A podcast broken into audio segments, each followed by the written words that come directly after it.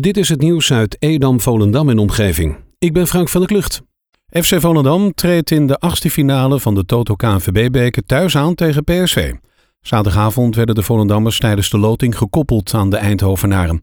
De duels om een ticket voor de kwartfinale worden gespeeld op 19, dinsdag, woensdag 20 en donderdag 21 januari. De mogelijke kwartfinale wedstrijd gaat gespeeld worden op vreemde bodem.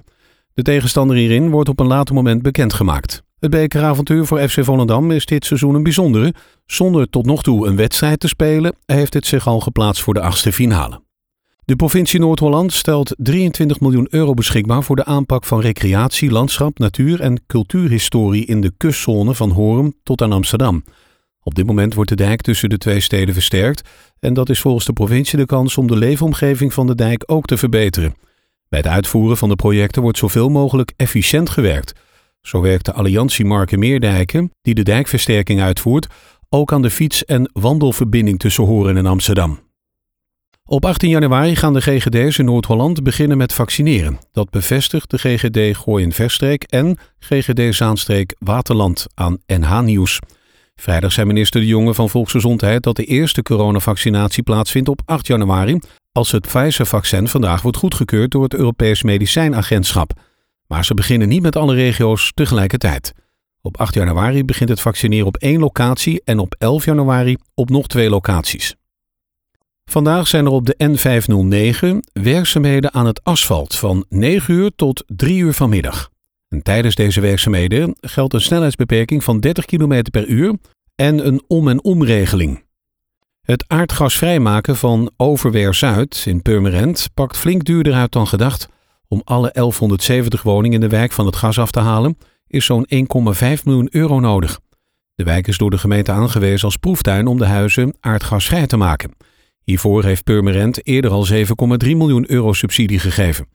Waar het extra geld vandaan moet komen is nog de vraag. Wethouder van Meekeren zal op zoek moeten gaan naar nieuwe subsidies. De gemeente Edam-Volendam verbiedt het karbietschieten niet. Toch blijft het kanon van Beets deze jaarwisseling achter slot en grendel. Het karbietschieten is alleen toegestaan op strenge voorwaarden en alleen voor inwoners mogelijk. Dat laatste is geen probleem voor de fanatieke schieters uit Beets. Maar je mag schieten met een melkbus van 40 liter. Hun kanon is 9 meter lang en die inhoud is dus iets meer. Ook moet er een ontheffing worden aangevraagd. Door het verstrekken van een ontheffing hebben ze contact en zicht op wie van plan is karbiet te schieten. De aanvraag om te schieten moet uiterlijk woensdag 23 december binnen zijn. Koning Willem-Alexander heeft Luc Kosiek herbenoemd als dijkgraaf voor Hoogheemraadschap Hollands Noorderkwartier. Vrijdag werd de dijkgraaf op het provinciehuis in Haarlem beëdigd door de commissaris van de Koning, Arthur van Dijk. De dijkgraaf begint zijn derde ambtstermijn op 1 januari. De dijkgraaf heeft het vertrouwen van het voltallige bestuur. Hij wordt gewaardeerd om zijn kennis, betrokkenheid en uitgebreide netwerk. Koziek is sinds 2009 dijkgraaf bij het Hoogheemraadschap.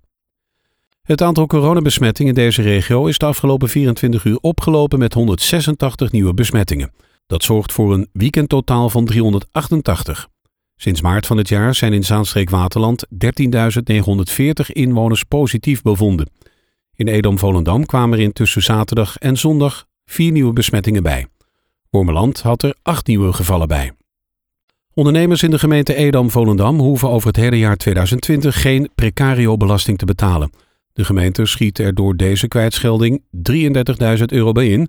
Maar in het kader van de coronamaatregelen wil zij de plaatselijke ondernemers op deze wijze steunen, zo meldt het NAD. Voor 2021 wordt bij de behandeling van de belastingmaatregelen in dat jaar een nieuwe verordening vastgesteld. Tot zover het nieuws uit Edam, Volendam en omgeving. Meer lokaal nieuws vindt u op de Love Kabelkrant, onze website of in de app.